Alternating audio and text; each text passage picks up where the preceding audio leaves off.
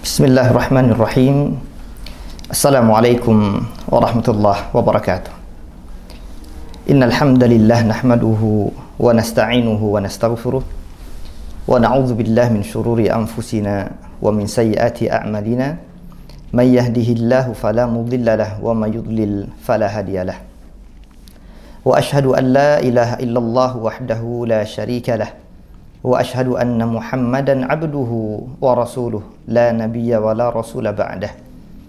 يا أيها الذين آمنوا اتقوا الله حق تقاته ولا تموتن إلا وأنتم مسلمون أما بعد. فإن أصدق الحديث كتاب الله. وخير الهدى هدى محمد صلى الله عليه وسلم وشر الأمور محدثاتها فإن كل محدثة بدعة وكل بدعة ضلالة. Wa kulla dhalalatin finnar. Ma'asyiral muslimin rahimani rahimakumullah. Para jamaah yang Allah Subhanahu wa taala muliakan di mana pun Anda berada. Alhamdulillah kita bersyukur kepada Allah Rabbul Izzati wal Jalal yang senantiasa mencurahkan nikmatnya kepada kita semua sebagai hambanya. Semoga Allah Subhanahu wa taala semakin menambahkan nikmatnya untuk kita semua yang berusaha tetap bersyukur kepadanya dalam kondisi dan keadaan apapun. Sebagaimana yang Allah Subhanahu wa taala janjikan kepada seluruh hambanya, la in syakartum la azidannakum wa la in kafartum inna adzabi lasyadid. Allah Subhanahu wa taala menjanjikan jika kalian bersyukur kepadaku kata Allah, niscaya aku akan tambahkan nikmatku untuk kalian. Tapi jika kalian kufur kepada nikmat yang telah kuberikan kepada kalian, kata Allah, ketahuilah bahwasanya azabku betapa pedih. Semoga kita diberikan kemudahan oleh Allah Subhanahu wa taala untuk senantiasa bersyukur kepadanya. Amin. Ya rabbal alamin. Salawat beriring salam semoga senantiasa tercurah kepada Nabi kita Muhammad sallallahu alaihi wasallam kepada keluarga beliau, para sahabat, para tabi'in, tabi'in tabi'in dan setiap orang yang berusaha meniti jejak langkah mereka semua dalam beribadah kepada Allah tabaraka wa taala sampai Allah ambil ajal mereka. Para jamaah yang Allah Subhanahu wa taala muliakan dimanapun Anda berada, kita pun berharap Allah Subhanahu wa taala masukkan kita ke golongan ini sampai Allah Subhanahu wa taala wafatkan kita. Semoga kita tetap menjadi seorang muslim mukmin yang berusaha bisa mengikuti jejak langkah orang-orang terdahulu dalam beribadah kepada Allah tabaraka wa taala. Amin ya rabbal alamin. Masyarul muslimin rahimani rahimakumullah. Pada pertemuan kali ini insyaallah kita akan mengupas sirah sejarah seorang manusia di kalangan para sahabat Rasul sallallahu alaihi wasallam. Yang insyaallah nantinya kita bisa mengambil dan mendulang butiran-butiran hikmah dan pelajaran dari kisah seorang sahabat Rasul sallallahu alaihi wasallam ini. Yang mungkin kita sering mendengar namanya tapi kadang kita tidak bisa atau belum mampu untuk meneladani mencontoh beliau radhiyallahu anhu ardah. Di mana hadis ini yang akan kita sampaikan memang sangatlah panjang, tapi mudah-mudahan kita bisa mengambil hikmah-hikmah, faidah-faidah dari hadis yang insya Allah akan disampaikan oleh beliau sendiri yaitu sahabat yang bernama Ka'ab ibn Malik radhiyallahu anhu wa ardah. Ka'ab ibn Malik radhiyallahu anhu ini beliau sebagaimana dituliskan dan dibukukan oleh Al-Imam Al-Bukhari dan Al-Imam Muslim dalam dua kitab sahih mereka di mana mereka menuliskan mirip sebagaimana disampaikan oleh Ka'ab ibn Malik radhiyallahu anhu kepada anak tercintanya yaitu Abdullah. Nah, para jamaah yang Allah Subhanahu wa taala muliakan, di sini beliau akan menceritakan kondisi dan keadaan beliau tentang kekurangan-kekurangan beliau. Tapi ingat, kekurangan tidak serta-merta akan merendahkan martabat dan kedudukan seorang hamba di sisi Allah Subhanahu wa taala. Tapi tentunya ada tahapan-tahapan tertentu di mana ketika seorang hamba ada kekurangan pada dirinya, ia segera taubat dan kembali kepada Allah Subhanahu wa taala. Sebagaimana kita akan kisahkan ini, sahabat Ka'ab ibn Malik radhiyallahu anhu menceritakan kepada anaknya Abdullah Beliau ceritakan bagaimana ketika dahulu bersama Rasul sallallahu alaihi wasallam beliau pernah tidak ikut bersama Rasul sallallahu alaihi wasallam dalam satu peperangan. Yang kita mengenal sebagaimana ketika kita baca dalam buku-buku sirah dan pelajaran ada satu peperangan yang dilakukan oleh Rasul dan sebagian para sahabat, sebagian besar para sahabat yang ikut dan hampir seluruhnya dibawa oleh Rasul sallallahu alaihi wasallam di masa itu. Dan ini bagian dari satu perang terakhir yang pernah dilakukan oleh Rasul sallallahu alaihi wasallam dan mayoritas para sahabat di masa itu yaitu perang Tabuk. Di mana perang Tabuk ini terjadi pada tahun 9 Hijriah. Rasul Shallallahu Alaihi Wasallam di masa itu menginformasikan kepada seluruh para sahabatnya bahwa beliau akan melakukan peperangan. Nah, para jamaah yang Allah Subhanahu wa taala muliakan. Lantas bagaimana Ka'ab ibn Malik radhiyallahu anhu menceritakan dan menuturkan ceritanya ketika beliau tidak ikut berperang bersama Rasul sallallahu alaihi wasallam. Pertanyaannya, apakah yang terjadi pada diri beliau Ka'ab ibn Malik radhiyallahu taala setelahnya? Apakah selamanya dan seterusnya beliau akan dihinakan oleh Allah dan Rasulnya? Tentu jawabannya tidak. Mari kita dengarkan dan kita simak penuturan para dua imam besar, Al-Imam Al-Bukhari dan Al-Imam Muslim dalam kitab hadis-hadis mereka. Para jamaah Allah Subhanahu wa taala muliakan. Di antara penuturan Ka'ab ibn Malik radhiyallahu anhu kepada anak beliau yaitu Abdullah. Beliau pernah mengatakan bahwasanya lam atakhallaf an Rasulullah sallallahu alaihi wasallam fi ghazwatin qat. Kata beliau kepada anaknya menuturkan. Nanti coba kita setiap kalimat demi kalimat ya ungkapan-ungkapan yang disampaikan oleh Ka'ab bin Malik ini kita ambil faidah-faidahnya. Dan kita semua yang mungkin belum dapatkan faidah ini bisa mencatatnya. Nah, di sini beliau tuturkan kepada anak tercintanya yaitu Abdullah. Kata beliau, "Lam atakhallaf an Rasulullah sallallahu alaihi wasallam fi ghazwatin qat. Aku belum pernah tertinggal. Aku belum pernah absen untuk hadir bersama Rasul wasallam dalam seluruh peperangan. Mau perang yang kita kenal dengan perang Khandaq, Bani Mustaliq, Bani Nadir dan seluruh peperangan-peperangan yang lain. Sahabat yang satu ini, Ka'ab bin Malik radhiyallahu anhu senantiasa ikut di dalamnya bersama Rasulullah sallallahu alaihi wasallam. Akan tetapi kata beliau kemudian melanjutkan ungkapannya, illa fi ghazwati Tabuk. Kecuali ketika terjadi perang Tabuk. Aku kala itu tidak ikut berperang bersama Rasul sallallahu alaihi wasallam.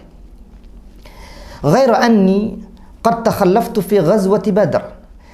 Akan tetapi sejatinya aku memang pernah kata beliau juga tidak ikut perang bersama Rasul sallallahu alaihi wasallam bukan hanya pada perang Tabuk saja, tapi juga tidak ikut berperang bersama Nabi ketika terjadi perang yang sangat besar. Perang Al-Badar Al-Kubra. Badar yang sangat besar. Di mana jumlah dari kaum muslimin sangat jauh jika dibandingkan dengan kekuasa, kekuatan orang-orang kafir, jumlah orang-orang kafir. Kaum muslimin sekitar berjumlah 313 atau sampai 317-an saja. Sementara orang-orang kafir Quraisy masa itu mereka berjumlah 950-an lebih. Akan tetapi yang terjadi adalah Allah Subhanahu wa taala menangkan peperangan ini. Kata Allah Subhanahu wa taala, "Kam min fi'atin qalilatin ghalabat fi'atan katsiratan biidznillah. Wallahu ma'as sabirin." Betapa banyak kejadian peperangan pasukan yang sedikit mengalahkan pasukan yang banyak. Tapi semua itu atas izin dan kehendak dari Allah Subhanahu wa taala dan Allah bersama orang-orang yang sabar. Sebelum kita masuk lebih jauh, kalimat demi kalimat yang disampaikan oleh Ka'ab bin Malik kepada anaknya Abdullah ini, kita coba ambil satu poin terlebih dahulu yang kita bisa ambil hikmahnya. Yang pertama, hendaknya jika kita sudah memiliki anak, kita memiliki anak satu, dua, tiga, atau berapapun kita memiliki anak kita punya keluarga. Hendaknya sambung tali kekerabatan ini, kekeluargaan ini, perkuat kembali rasa keharmonisan ini dengan cara sering mengajak bincang, mengajak bicara, berdialog, menyampaikan sesuatu kepada anak-anak kita. Kadang ada sebagian orang, bahkan sebagian kaum muslimin, mereka Masya Allah jika berbicara dengan sahabat-sahabatnya, teman-temannya akrab sekali. Tapi sayang disayang, ketika bersama anaknya sendiri, bersama istrinya sendiri, bersama keluarganya sendiri, kadang acuh. Bahkan sering keluarga dilalaikannya, ditelantarkannya, nggak diajak bicara. Ini adalah akhlak yang tidak sesuai dengan ajaran agama kita. Lihat sahabat ini, Ka'ab ibn Malik radhiyallahu anhu mengajak bicara anaknya Abdullah menceritakan dengan cerita yang panjang yang dari situ orang tua sebagaimana Ka'ab ibn Malik ingin agar anaknya bisa mengambil pelajaran yang sangat berharga di antaranya adalah yang kita ambil tadi petikannya, hikmahnya, hendaknya menjalin hubungan terbaik antara orang tua dengan anak, suami dengan istri, dengan sering mengajaknya bicara, berdialog. Dengan cara berdialog, berbicara, berbincang-bincang, maka anak akan mengeluhkan apa yang selama ini menjadi permasalahan baginya. Sehingga tidak lari ke kanan ke kiri, tapi akan larikan itu selain tentunya pertama kepada Tuhannya Allah Taala, yang kedua ia coba berikan selama ini jika ada permasalahan-permasalahan entah di sekolahnya, entah di pesantrennya, entah di kampusnya, entah di kantor dan tempat-tempat pekerja di mana dia bekerja. Ya sampaikan itu agar mungkin orang tuanya memiliki solusi terhadap masalahnya. Nah, ini poin pertama yang kita lihat dari sahabat Ka'ab ibn Malik radhiyallahu anhu ini. Beliau mencoba mengajak bicara anaknya menceritakan kejadian dan kondisi serta keadaan beliau ketika hidup bersama Rasul sallallahu alaihi wasallam. Yang padahal para jamaah yang Allah Subhanahu wa taala muliakan. Kejadian ini adalah sejatinya kejadian yang sangat memalukan karena serba kekurangan di mana Ka'ab ibn Malik di antara aib beliau radhiyallahu anhu ardah adalah tidak ikut serta, tidak ikut berperang bersama Rasul sallallahu alaihi wasallam dalam perang Tabuk. Akan tetapi bukan sekedar menceritakan aib, tidak. Tapi nanti di balik itu hikmah betapa banyak pelajaran-pelajaran dan ibrah yang bisa diambil untuk orang-orang belakangan. Baik, kita lanjutkan. Nah, di sini Ka'ab ibn Malik radhiyallahu anhu ardah menceritakan bahwasanya beliau bukan hanya pada perang Tabuk beliau tidak ikut berperang. Tapi juga pada perang Al-Badar Al-Kubra, beliau tidak ikut perang. Akan tetapi kata beliau, walam yu'atab ahadun takhallafa anhu. Tidak satu pun mendapatkan celaan. Tidak satu pun kemudian orang dianggap melakukan satu hal yang salah ketika ia tidak ikut perang pada perang Badar Al-Kubra ini. Apa alasannya? Beliau ceritakan, "Innama kharaja Rasulullah sallallahu alaihi wasallam. Bahwasanya Rasul sallallahu alaihi wasallam ketika beliau keluar dari Madinah kemudian berperang untuk melakukan perang Badar ini tidaklah niat Rasul dan kaum muslimin kala itu kecuali cuma hanya yuriduna.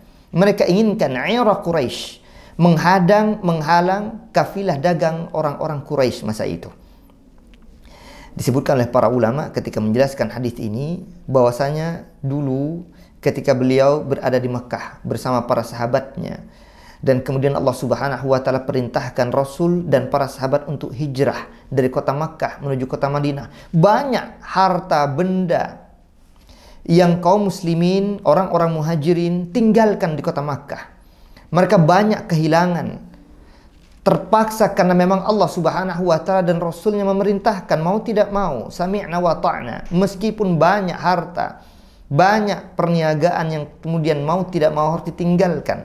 Nah, Rasul sallallahu alaihi wasallam mengajak para sahabatnya, sebagiannya, tidak seluruhnya, hanya sebagian dari kalangan para sahabat yang diajak oleh Rasul sallallahu alaihi wasallam pada perang Badar ini agar untuk menghadang kafilah dagang yang dibawa oleh Abu Sofyan. Nah, Kemudian yang terjadi adalah bahwasanya Allah Subhanahu wa taala kemudian menangkan Rasul dan para sahabatnya pada perang Badar.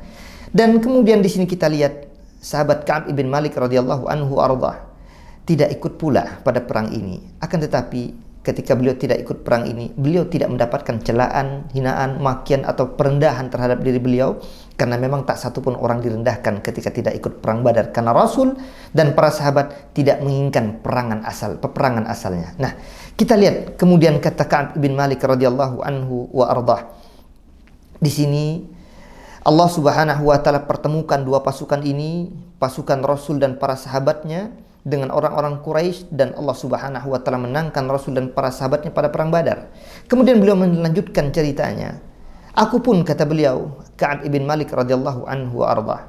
Laqad syahidtu ma'a Rasulillah sallallahu alaihi wasallam Lailatul Aqabah. Aku pernah menyaksikan secara langsung dan ikut langsung pada satu bayat di malam Aqabah. Perjanjian komitmen terhadap agama, terhadap Allah dan Rasulnya. Di mana perjanjian tersebut Rasulullah SAW perintahkan karena perjanjian di malam Aqabah ini terjadi dua kali.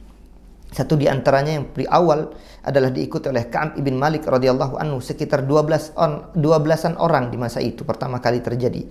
Mereka semua bersumpah kepada Allah dan Rasulnya dan di antara sumpah mereka yang diperintahkan oleh agama oleh Rasul sallallahu alaihi wasallam hendaknya mereka tidak boleh mereka menduakan Allah Subhanahu wa taala dalam beribadah kepadanya. Haram hukumnya melakukan kesyirikan kepada Allah, menduakan Allah. Ini perjanjian mereka kepada Rasul sallallahu alaihi wasallam. Kemudian kata beliau di antara perjanjian tersebut bahwasanya dilarang mereka untuk berzina, dilarang mereka untuk membunuh, termasuk pula dilarang mereka berdusta, berkata-kata bohong, berdusta dilarang dan ini bagian dari perjanjian yang diadakan pada malam Lailatul Aqabah tersebut. Kata Ka'ab ibn Malik radhiyallahu anhu wa ardah bahwasanya ketika itu mereka berjanji semua sahabat yang sekitar 12 orang ini untuk tidak melakukan perbuatan-perbuatan yang sudah jelas-jelas dilarang tersebut. Nah, beliau sambung kalimatnya. Aku lebih senang untuk ikut serta pada perjanjian Lailatul Aqabah dibandingkan dengan perang Al-Badr Al-Kubra. Apa alasannya? Pertama, bahwasanya perjanjian ini adalah perjanjian yang sangat besar. Komitmen seorang muslim. Maka para ulama kemudian ungkapkan, hendaknya setiap muslim, ini poin yang kedua yang kita bisa ambil dari uh, sejarah ini atau sirah dari sahabat Ka'ab ibn Malik radhiyallahu anhu ini, hendaknya seorang muslim komitmen dia terhadap agamanya, syariat-syariat Allah Subhanahu wa taala yang sudah Allah tetapkan dalam Al-Qur'an dan Rasul tetapkan dalam hadis-hadisnya. Termasuk di antaranya permasalahan-permasalahan adab keseharian.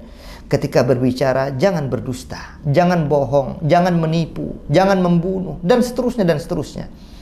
Ini semua hendaknya hendaknya menjadi kebiasaan seorang muslim dan seorang mukmin. Dia komit terhadap apa yang sudah dijanjikan oleh agamanya terhadapnya sebagaimana sahabat Ka'ab bin Malik radhiyallahu anhu arda yang nantinya kita akan lihat bagaimana Allah Subhanahu wa taala selamatkan dia dari sebuah malapetaka yang besar berupa kebohongan dan dusta.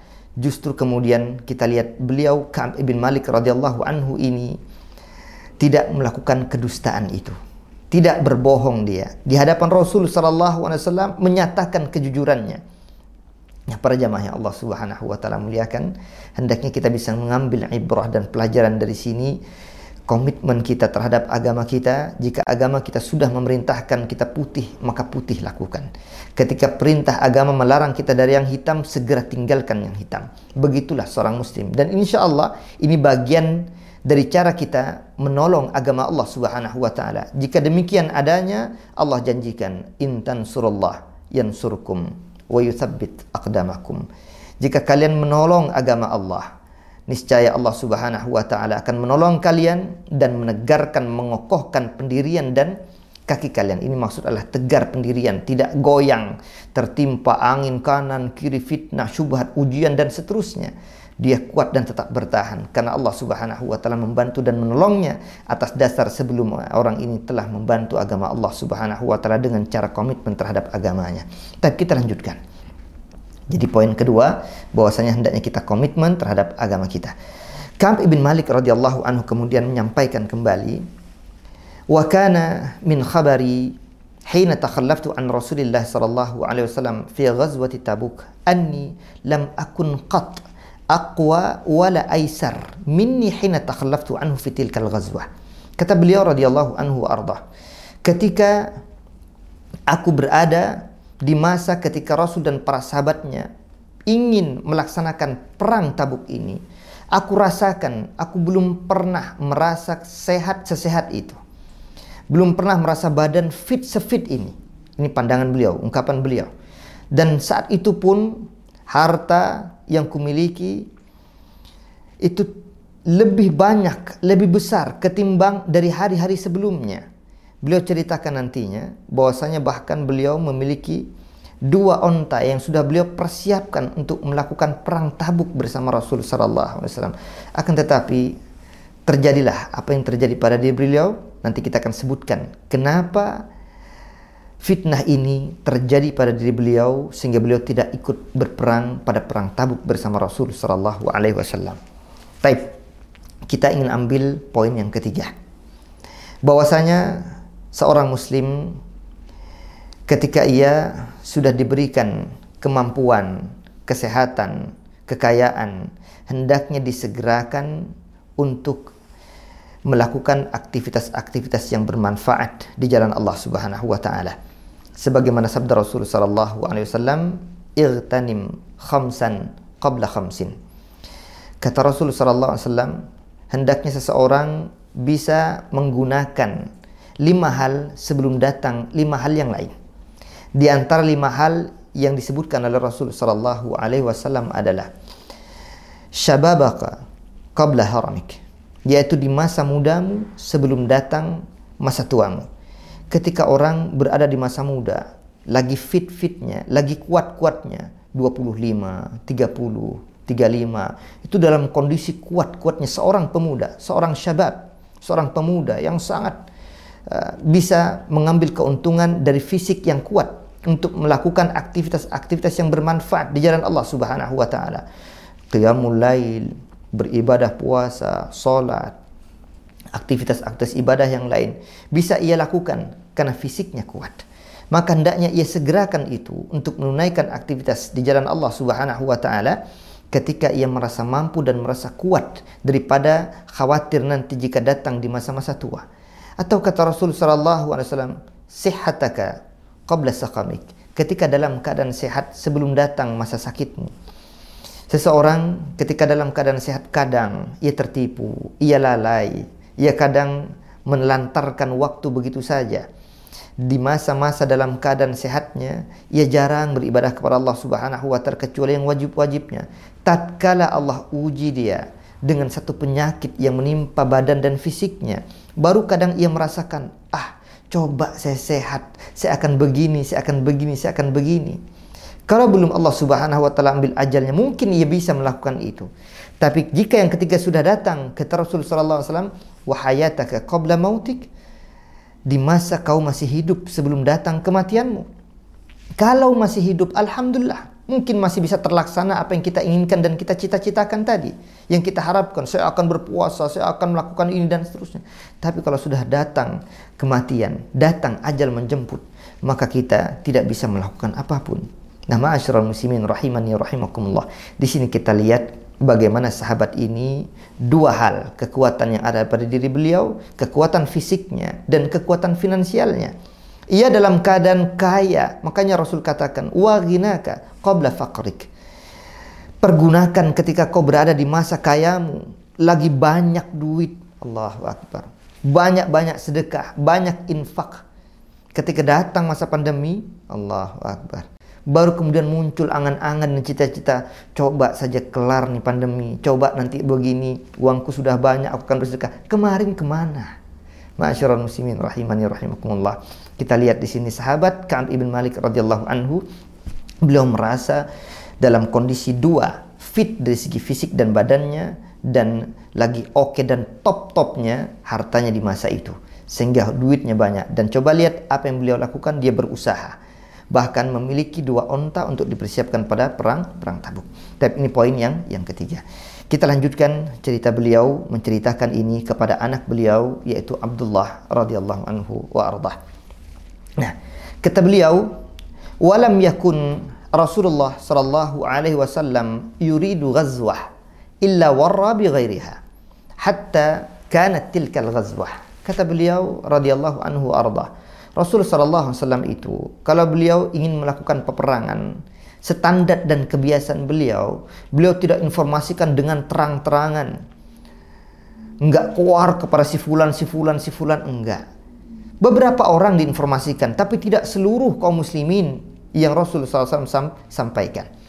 Kemudian kata beliau, "Faghazaha Rasulullah SAW fi harrin syadid. Akan tapi untuk pada perang Tabuk ini, beliau melakukan peperangan di masa di mana hari itu dalam keadaan panas sekali. Kita lihat dan kita coba serta kita bayangkan jika dalam keadaan panas di bumi kita, di Nusantara, di Indonesia, panas-panasnya seperti apa sih? Apakah kira-kira jika dibandingkan dengan tanah yang ada di Jazirah Arab sana sama panasnya? Tentu berbeda. Di sana tanah, Masya Allah, padang pasir menghampar di bumi Allah Subhanahu wa Ta'ala. Di kita, meskipun dalam keadaan musim panas, pepohonan masih banyak yang tumbuh. Tidak seluruhnya gersang, tidak seluruhnya mati. Air masih banyak, lebih-lebih di perkotaan. Allahu Akbar. Tapi dahulu masih belum ada apa-apa. Padang pasir, padang Sahara, betapa luasnya panas mereka rasakan. Lihat, kalau kita ceritakan bagaimana jarak dan jauhnya antara kota Madinah dengan Tabuk. Kalau kita lihat nantinya, yang mungkin buka Google Map misalkan akan melihat jaraknya kira-kira terbentang 620 km. 620 meter. Kalau kita ukur kira-kira dari Jakarta ini menuju ke daerah Madiun atau Mojokerto atau daerah ke sini sedikit. Ditempuh bukan menggunakan kendaraan motor, mobil ataupun pesawat. Kita lihat menggunakan onta, menggunakan kuda, menggunakan keledai, dan seterusnya bahkan tidak sedikit di kalangan mereka yang nanti akan kita ceritakan betapa dahsyatnya perjuangan para sahabat ketika mereka mengikuti Rasul wasallam dalam perang Tabuk ini. Disebutkan dalam beberapa riwayat sejarah dalam kitab yang ditulis oleh Al-Imam Syekh Safir Rahman Al-Mubarak Furi dalam kitab beliau Ar-Rahik Al-Maktum bisa antum baca nanti antum kupas peperangan terakhir yang pernah dilakukan oleh Rasulullah SAW yaitu pada perang Tabuk. Bagaimana yang terjadi? Para sahabat Rasulullah SAW disebutkan ada yang bahkan sekitar tujuh belasan orang bergantian bergilir menunggu giliran ketika yang satu dua orang naik onta yang lain berjalan ketika yang lain sudah merasa kecapean letih bergantian dinaikkan ke atas yang lain sudah segar bugar berjalan kita hari ini ke satu tempat tujuan kota yang jauh menggunakan alat-alat transportasi yang sudah ada AC, dingin, sejuk kita rasakan. Tidak ada rasa payah berlebihan dalam suatu perjalanan. Kita lihat orang-orang terdahulu. Nah, para jamaah Allah Subhanahu wa taala muliakan. Kalau kita lihat perbandingan ini sangat jauh sekali. Disebutkan oleh Ka'ab bin Malik radhiyallahu anhu. Bahkan kondisi dan suasana hari itu sangat panas, bukan hari-hari biasa. Sangat panas wastaqbala safaran ba'idan wa mafaza. Disebutkan kata beliau, perjalanan yang sangat jauh dan bahkan banyak jalan-jalan yang tidak rata. Disebutkan pula banyak duri-duri yang merintang, banyak batu-batu tajam. Ini kalimat mafaza adalah satu tempat di mana jalan tersebut jalannya pertama tidak lurus, bengkok, bengkok, belok, belok, turun, naik, turun, naik. Begitu pula dengan batu-batuan yang tajam, kerikil-kerikil yang tajam. Yang bisa saja sekali dua kali menyentuh kaki mereka dan kemudian berdarah. Perjalanan yang sangat panjang. Allahu Akbar. Lihat di sini mereka tetap teguh. Para sahabat Rasul Sallallahu Alaihi Wasallam mengikuti Rasul Sallallahu Alaihi Wasallam pada perang Tabuk ini.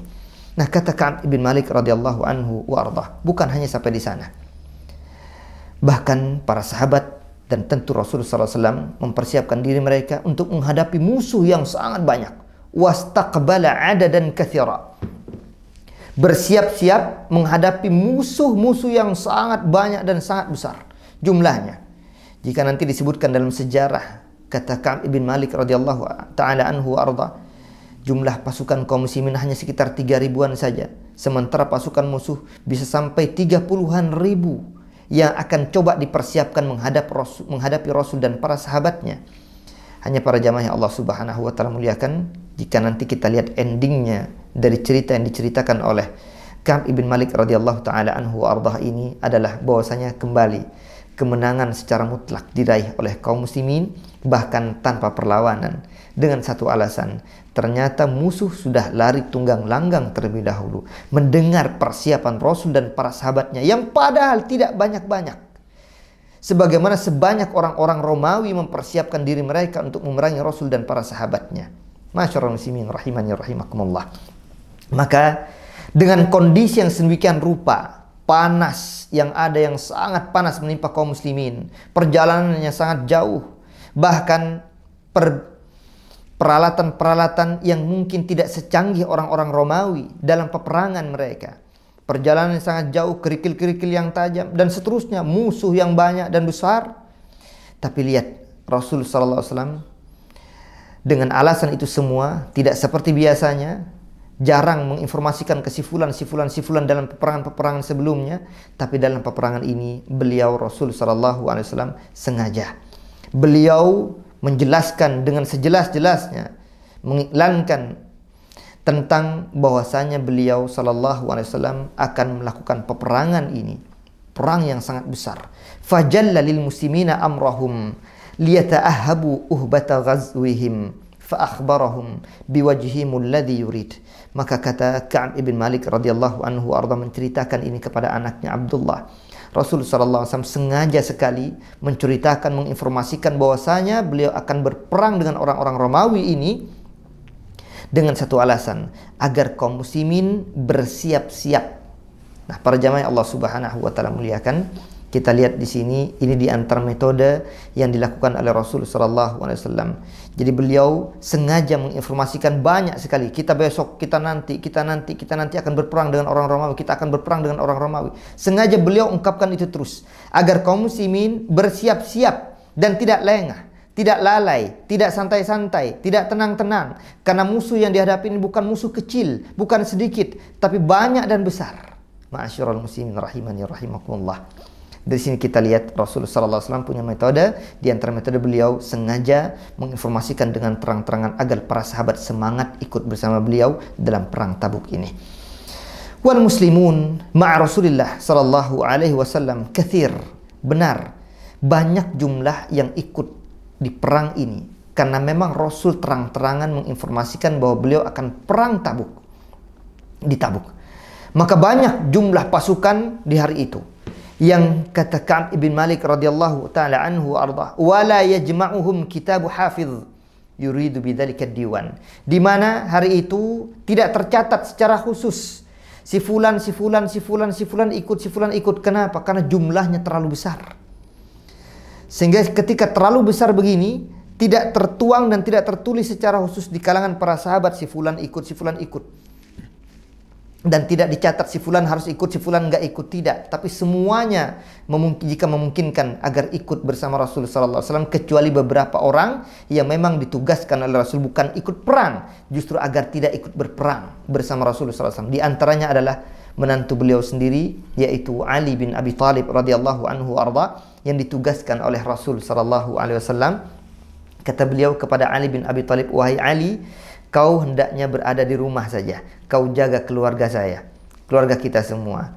Di sana ada keluargaku dan keluargamu. Maka jaga mereka semua ketika berada di Madinah. Ini perintah Rasul kepada Ali bin Abi Thalib. Tapi Masya Allah, nanti kita akan ceritakan bagaimana dahsyatnya orang-orang munafik ini. Yang mana para jamaah Allah Subhanahu wa taala muliakan di antara poinnya hati-hati kita memilih teman, sahabat karib yang suka membisik-bisikkan dengan bisikan-bisikan syaitan. Bisikan-bisikan yang tidak dibenarkan menurut agama dan menurut ajaran Islam. Di antaranya di situ Ali diremehkan dan dianggap ah masa Ali cuma hanya berdiam diri di rumah bersama para wanita-wanita dan anak-anak kecil. Disuruh menjagain wanita dan anak-anak, tidak ikut perang, tidak menjadi seorang pejantan yang tangguh. Orang mujahid yang berjihad di jalan Allah Subhanahu wa taala ini kompor ya ngompor-ngomporin, memprovokasi hati-hati. Ini bukan tindakan seorang muslim yang sebenarnya dan yang sejati, tapi perbuatan kebiasaan orang-orang munafik. Tapi kita lanjutkan cerita Ka'ab ibn Malik radhiyallahu anhu arda. Beliau mengatakan, kemudian melanjutkan ungkapannya ini, bahwasanya ada orang sebagian kecil, satu dua orang mengatakan, kata beliau, faqala rajulun yurid an yataghayyab. Ada satu orang yang ingin tidak ikut berperang pada perang Tabuk ini tidak lain dan tidak bukan karena satu alasan dhanna anna dzalika sayakhfa bihi ma lam yanzil bihi fihi wahyun min Allah. Kata orang ini, kata Ka'ab bin Malik radhiyallahu anhu tentang seorang ini yang niatkan diri untuk tidak ikut perang bersama Rasulullah SAW, tentu bukan dari kaum muslimin yang sebenarnya, tapi dari kalangan orang-orang munafik yang memang sengaja untuk tidak ikut berperang. Lihat, Dia sengaja untuk tidak ikut perang, tidak ikut serta dalam perang Tabuk ini dengan satu alasan, tidak mungkin ketahuan oleh Rasulullah SAW kecuali jika Allah Subhanahu wa taala turunkan wahyu dan menginformasikan si fulan gak ikut, si fulan gak ikut. Saking banyak jumlahnya kaum muslimin yang ikut perang pada perang Tabuk ini. Sehingga ada sebagian orang sengaja untuk tidak ikut berperang. Selain dari orang-orang yang ma'zur, yang terhalang karena sakit penyakit yang ada pada diri mereka, menjaga keluarganya dan seterusnya dan seterusnya.